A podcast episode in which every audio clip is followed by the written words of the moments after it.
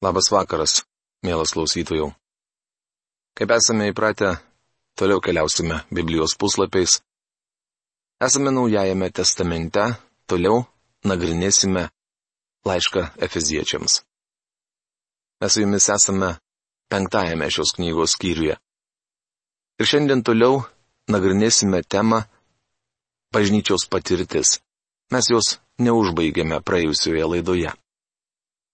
Prieš pradėdamas, norėčiau, kad mes kreiptumės į mūsų kūrėją, prašydami palaiminimo.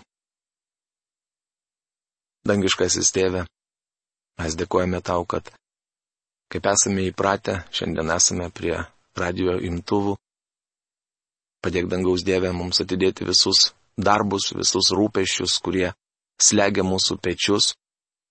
Ir tas keliasdešimt minučių praleisti, klausant tai, ką tu esi paruošęs mums šiandien.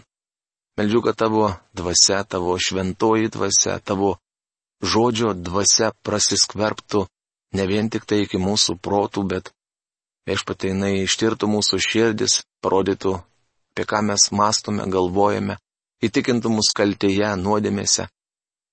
Tavo žodžio dvasia apvalytų mus nuo visos netiesos ir nedorybės, kurią mes galime pamatyti tik tai tavo rašto šviesoje. Ir prašau, kad tu įdėtum į mano lūpas žodžius, kuriuos esi šiandien paruošęs mūsų klausytojams. Dėkoju tau, kad turiu atsakomybę iš tavęs Dieve skelbti žodį. Patepk mano lūpas savo dvasia. Jėzaus Kristaus vardu. Amen. Taigi, Efeziečiams laiškas penktas skyrius. Ir tema, kurią pradėjome nagrinėti dar praėjusioje laidoje, yra bažnyčios patirtis. Aš perskaitysiu jums jau mūsų išnagrinėtas keturias pirmasias šios temos eilutes ir mes pratesime apžvalgą. Efeziečiams laiško penktos skyriaus 18-21 eilutėse rašoma. Ir nepasigerkite vynu, kuriame slypi pasileidimas, bet būkite pilni dvasius. Kalbėkite psalmių, himnų bei dvasinių giesmių žodžiais, gėdokite ir šlovinkite savo širdise viešpatį, visuomet ir už viską dėkodami Dievui tėvui mūsų viešpatės Jėzaus Kristaus vardu. Pakluskite vieni kitiems dėl Kristaus baimės. Ir šios dienos eilutės Jūs, moteris, būkite klusnios savo vyrams lyg kad viešpačiui, nes vyras yra žmonos galva, kaip ir Kristus yra bažnyčios, savo kūno galva ir gelbėtojas. Kai bažnyčia klauso Kristaus, taip ir moterys visame kame te klauso vyrų. Efeziečiams laiško 5 skyrius 22-24 eilutės. Aš gilinausi į žodžio klusni reikšmę ir tai, ką dabar pasakysiu, gali jūs gerokai nustebinti. Moterų klusnumas turėtų būti suprantamas kiek kitaip, nei buvo aiškinamas anksčiau. Čia nesakoma, žmonos pakluskite savo vyrams. Žodis klusnios yra labai švelnus ir meilus. Tai reiškia atsakyti savo vyrui kaip viešpačiui. Mes atsakome viešpačiui savo meilę, mylime jį, nes jis pirmas mus pamilo. Atkreipkite dėmesį, jog čia sakoma savo vyrams. Klusnumo pagrindas yra labai asmeniškas meilės ryšys. Akivaizdu, kad Paulius kalba tikintiesiems apie krikščionišką santuoką. Kalbant apie vyro ir žmonos santykius, vyras yra pradininkas fizinė prasme. Jis pirmas rodo meilę. Vyras turi būti šeimos maitintojas, kuris kas ryt išeina uždirbti duonos. Tačiau tai nesuteikia jam teisės šokdinti visus namiškius. Žmona turi atsakyti jam tuo pačiu, kuo tikintysis atsako Kristui. Meilės ryšių. Sykį į mano kontorą užėjo netašytas vyriškis ir tarė. Daktarė Magi, norėčiau, kad pasikalbėtumėte su mano žmona. Ji labai šalta ir nesielgia taip, kaip turėtų elgti žmona. Tas vyras išsidavė pats to nesuprasdamas. Jis prisipažino esas netikęs vyras. Buvo nesunku numanyti, koks jis vyras, jei susilaukė tokio atsako. Aš paklausiau jo. Ar sakote jai, kad ją mylite? Ne, atkirto jis. Ir taip žino, kad ją myliu. Man nereikia to sakyti. Manau, reikia, paprieštaravau aš. Žmona neturi sakyti jums, kad jūs myli. Jei nesakote jai to pirmas. Vyras pradeda, žmona atsiliepia. Vyras turi sakyti, aš myliu tave, juk jis peršasi. Žmona tik pasako, taip. Moteris neprivalo sakyti vyrui, kad jį myli, jei vyras neištarė, aš myliu tave. Sakydamas, kad turi šaltą žmoną, vyras pripažįsta, kad žmona turi šaltą vyrą. Jis nėra toks vyras, koks turėtų būti. Moteris neturi būti pradininkė. Jai reikia paklusti savo vyrui iš meilės. Vyras yra žmonos galva, kaip ir Kristus yra bažnyčios savo kūno galva. Kokiu būdu? tai meilės santykis ir vyras turi būti galva vardant tvarkos. Šioje laiško Efeziečiams dalyje mes sužinosime, kad pavaldumas vardant tvarkos egzistuoja keturiose skirtingose srityse. Žmonos turi būti klusnios savo vyrams. Vyrai turi būti klusnus Kristui. Vaikai privalo klausyti tėvų. O vergams reikia klausyti šeimininkų. Šie santykiai tai pasidavimas tiems, kurie tave myli. Be meilės paklusnumas nevertas nei sudilusios skatiko. Aš ilgą laiką konsultavau su tuoktinius ir galiu pasakyti, kad dažniausiai santuokos problemų šaknys slypi vyrų elgesyje. Vyras turi kurstyti meilę žydinį. Nuostabiojoje Saliamono giesmėje jaunikis sako nuotakai. Kokia tu graži, mano mylimoji, kokia tu graži. Prašoma giesmių giesmės pirmo skyriaus penkioliktoje eilutėje. O jie atsiliepia. Manasis mylimasis mano, o aš jo. Giesmių giesmė, antras skyrius šešiolikta eilutė. Jaunikis išreiškia savo meilę pirmas, o nuotaka atsiliepia. Žinau, kad kas nors pasakys, kad aš į visą tai žiūriu labai idealistiškai ir romantiškai. Kągi, tokius vyrai ir moterį Dievas sukūrė Edeno sode. Adomas ir Jėva buvo labai romantiška pora. Tikriausiai Dievas nedavė Adomui moters, kol jis nesuprato, kad jam kažko reikia. Moteris buvo duota Adomui kaip padėjėja padėjėja yra antroji vyro pusė. Dievas sujungė šią porą ir pavadino juos ne Adomais, bet Adomu. Koks nors jaunuolis man pasakys, pamokslininkė, aš netoks, anaip tol nesu didvyris. Žinot, Dievas niekada nežadėjo, kad jūs įsimylės kiekviena sutikta mergina. 99 moteris gali praeiti pro jūs, matydamos jumise tik nuobodų kaimyną. Tačiau vieną dieną pasirodys moteris, kuri išvelgs jumise karžygį, spindinčiai šarvais. Tai Dievas nematomais saitais susaisto tam tikrą vyrą ir tam tikrą moterį. Žmona man sakė, kad matė manyje riterį spindinčiai šarvais. Pasakysiu jums, kuo viskas baigėsi. Anksčiau per televiziją buvo rodomas juokingas reklaminis filmukas. Šarvuotas riteris laikydamas rankoje indą su valikliu, jojo ant žirgo nuo vieno televizoriaus ekrano krašto iki kito, Žinot, kuris atjojo? Ogi į virtuvę. Ir aš, kai baigiau pastoriaus tarnystę, atsidūriau virtuvėje. Vienas draugas man patarė. Dabar, kai esi pensininkas, daryk tai, ką daro žmona. Kai ji plauna indus, plauk ir tu. Kai šluoja grindis, šlok kartu su ją. Na, aš neketinu to daryti. Bet dabar indus plaunu tikrai dažniau negu kada nors anksčiau. Norėčiau tarti vieną kitą žodį ir jaunoms merginoms. Galbūt nesate išvaizdi, negalite pasigirti dailių veideliu ar idealią figūrą. Dievas niekada nesakė, kad jūs būsite patraukli kiekvienam vyriškos lyties individui. Taip yra tik gyvūnijos pasaulyje.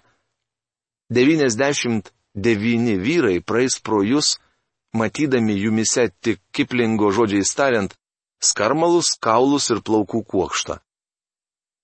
Tačiau jei esate tokia, kokia turi būti moteris, vieną dieną koks nors vyras pamils jūs ir jūs tapsite jo įkvėpimo šaltiniu. Galbūt įkvėpsite jį didžiam darbui, pavyzdžiui, parašyti knygą ar nutapyti dailės šedevrą. Jei esate kokio nors vyro įkvėpimo šaltinis, neignoruokite jo, nebėkite nuo jo. Gal Dievas jūs tuo tikslu ir suvedė. Galbūt sakote, pamokslininkė, visa tai sausa teorija. Gana idealizuoti. Tai būna tik pasakose, o nerealiame gyvenime. Klystate. Tai būna gyvenime. Metijų Henrio komentarai patys sausiausi, kokius man tik kada nors teko skaityti, tačiau būdamas jaunas pamokslininkas, Jis gyveno nuostabų romantišką gyvenimą. Skaitant jo komentarus, tikrai nepagalvotum, kad jų autorius kada nors buvo romantiškas, bet buvo. Londone jis sutiko merginą iš kilmingųjų luomo. Matthew Henris buvo prašiokas, tačiau jis įsimylėjo tą mergaitę, o ji įsimylėjo jį. Kai mergina viską papasakojo savo tėvui, Šis mėgino ją perkalbėti, sakydamas, tas jaunuolis neturi praeities, tu net nežinai, iš kur jis atėjo. Mergina atsakė, tu teisus, aš nežinau, iš kur jis atėjo, bet žinau, kur eina ir noriu eiti su juo kartu. Ir nuėjo. Natanielis Haufornas buvo valdininkas, jis dirbo valstybinėje muitinės tarnyboje, bet buvo atleistas dėl kompetencijos tokos. Vyras grįžo namo susikrimtęs ir nusivylęs.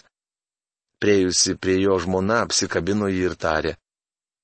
Dabar, Natanėlį, gali daryti tai, ko visuomet norėjai. Gali rašyti. Natanėlis Gaufortas parašė knygą Namas su septyniais frontonais bei daug kitų žymių literatūros veikalų. Kaip matote, gyvenime tai būna. Ta patyrė daugelis žmonių. Paulius sako, kad krikščioniškoje šeimoje turi atsispindėti Kristaus ir bažnyčiaus santykis. Kristaus santykis su bažnyčia kitoks nei vyro ir žmonos, nes Kristus yra bažnyčios, savo kūno galva ir gelbėtojas. Vyras nėra žmonos gelbėtojas. Tačiau klusnumo prasme, žmona turi būti pasidavusi savo vyrui kaip viešpačiui Jėzui Kristui. Šiandien pradėsime, bet man atrodo, kad mes šiandieną nebaigsime paskutinės potėmės bažnyčios viltis. Jūs vyrai, mylėkite žmonas, kaip ir Kristus mylėjo bažnyčią ir atidavė už ją save. Efeziečiams laiško penktos skyrius 25 eilutė. Dievas niekada nesakė moteriai pasiduoti vyrui, kuris nemyli jos taip, kaip čia parašyta. Tai aukščiausias krikščioniškos meilės lygis. Šiandien jaunimui prieinama bet kokia informacija apie seksą. Bet to apie santoką yra išleista nesuskaičiuojama daugybė knygų. Galbūt palaikysite mane atsilikusių pamokslininkų, tačiau mano įsitikinimu visa tai, kas juose rašoma, nesąmonė. Tik krikščionis gali žinoti, kas yra tikroji meilė santuokoje, nes ji pakeliama iki Kristaus ir bažnyčios santykių lygio. Bičiuli, Kristaus ir bažnyčios santykiai pasaulyje neturi jokių analogų. Kad ją pašventintų, nuplaudamas valančių vandenių per žodį. Efeziečiams laiško 5 skyrius 26 eilutė. Kristus mylėjo bažnyčią ir atidavė už ją save. Tai buvo praeitie. Šiuo metu jis šventina bažnyčią Dievo žodžio vandeniu. Biblija yra geresnis valiklis už visus tuos, kurie reklamuojami per radiją ar televiziją. Dievo žodis ne tik išvalys įsisenėjusias dėmes, bet ir apsaugos jūs, kad jūsų gyvenimas vėl netaptų dėmėtas. Kad padarytų savo garbingą bažnyčią, neturinčią jokios dėmės nei raukšlės, nei nieko tokio, bet šventą ir nesutepta. Efeziečiams laiško 5 skyriaus 27 eilutė. Ateityje jis pasitiks garbingą bažnyčią, neturinčią jokios dėmės nei raukšlės, šventą ir nesuteptą. Studijuodami aprieškimo knygą sužinosime, kad bažnyčia bus perduota Kristui kaip išpošta nuotaka. Leiskit pasakyti, kad savo vestuvių dieną kiekviena moteris yra graži. Man teko dalyvauti daugelį vestuvių ceremonijų ir dar nieko met nemačiau bjaurios nuotakos. Mačiau jas prieš jungtuves ir po jų. Ir galiu sažiningai pasakyti, kad ne visos jos išvaizdžios. Tačiau jungtuvių dieną nuotakos būna gražios.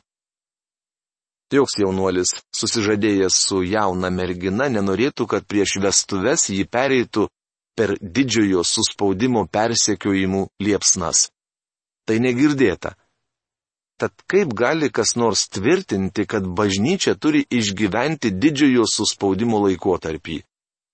Ji sužieduota su Kristumi ir jis nuplauna bažnyčią valančių Dievo žodžiu. Atkreipkite dėmesį, kad kalbėdamas apie bažnyčią, aš neturiu omenyje organizacijos, kuri įsikūrusi aukštame pastate su smailiais bokštais, sakykla ir vargonais. Mes kalbame apie tikrų tikinčiųjų kūną. Šioje eilutėje sakoma, kad viešpats nuplauna kiekvieną tikintįjį, ruoždamas jį šiam nuostabiam įvykiui. Mano įsitikinimu šiandien tai iš tikrųjų vyksta. Taigi aptarėme praeitį, dabartį ir ateitį. Kristus mylėjo bažnyčią ir už ją pasiaukojo. Jis šventina ją, nuplaudamas valančių vandenių per žodį.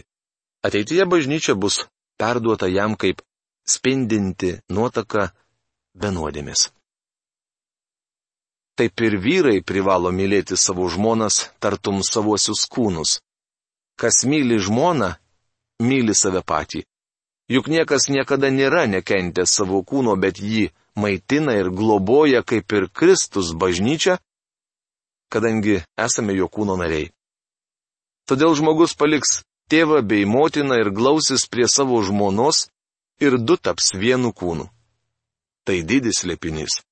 Aš tai sakau apie Kristų ir bažnyčią. Efeziečiams laiško 5 skyriaus 28-32 eilutės. Perskaičiau visą šią pastraipą kad atkreiptume dėmesį, kaip Paulius plėtoja šias dvi vyro žmonos bei Kristaus bažnyčios temas. Kalbėdamas apie Kristų ir bažnyčią, apaštalas sugrįžta prie vyro ir žmonos temos. Taip ir vyrai privalo mylėti savo žmonas tartum savosius kūnus. Sutoktuvių ceremonijos metu jauniesiems reikia ne šampano, bet šventosios dvasios pripildymo. Tuomet jų medaus mėno bus toks nuostabus, kokio jokia pasauliečių pora negali net įsivaizduoti. Tie apsukrus vaikinai ir merginos, kurie šiandien kalba apie seksą ir nesantuokinius santykius, net nežino, kas yra tikroji meilė. Jie daug išmano apie seksą, tačiau nieko nenutuokia apie tikros krikščioniškos santuokos grožį bei palaimą. Vyras turi mylėti savo žmoną, nes per santuokos ryšį žmona tampa jo kūno dalimi. Panašiai kaip bažnyčia yra Kristaus kūnas, o Kristus to kūno galva. Vyras yra žmonos galva. Paprastai vyras nejaučia neapykantaus savo kūnui, taigi jis privalo mylėti ir žmoną, nes ji jo kūnas. Kristus žinodamas, kad bažnyčia silpna, rūpinasi ją ir ją maitina. Ta pati turi daryti ir vyras. 31 laiško Efeziečiams eilutėje cituojama pradžios knygos antros kiriaus 24 eilutė. Čia Paulius užsimena apie Adomo ir Jėvos santykius Edeno sude. Pirmoji pora simbolizuoja būsimąją Kristaus ir bažnyčios sąjungą. Kristus bus jaunikis, o bažnyčia - nuotaka. Dievas sukūrė Jėvą, kad ji būtų Adomo pagalbininkė. Ji buvo padaryta iš žmogaus šonkaulio, o ne iš žemės, kaip visi laukiniai gyvuliai. Be Jėvos Adomas buvo neužbaigtas. Dievas suformavo moterį ir atvedė ją Adomui. Manau, ji buvo gražiausias kūrinys visoje visatoje. Vienas šmaikštuolis yra pasakęs, kad moteris turėjo būti gražesnė už vyrą, nes vyras buvo kaip pirmas Dievo blynas, o formuodamas moterį jis jau turėjo patirties. Jeva buvo Adomo pagalbininkė. Ji papildė tai, ko trūko vyrui. Moteris buvo sukurta vyrui ir jėdu tapo viena. Hebrajų kalboje iš reiškia vyras, o iša - moteris. Labai panašus šių dviejų žodžių skambėjimas tik patvirtina, kad moteris buvo paimta iš vyro. Mielas klausytojau, šioje aiškinimo vietoje šiandien turiu nutraukti mūsų laidą, nes laidos laikas baigėsi. Bet kitoje mūsų laidoje mes pratesime šių eilučių apžvalgą. Paskutinės potėmės tai yra bažnyčios vilties nagrinėjimą. Ir pradėsime šešto laiško Efeziečiams apžvalgą. O šiandien tiek. Iki malonaus sustikimo. Sudė.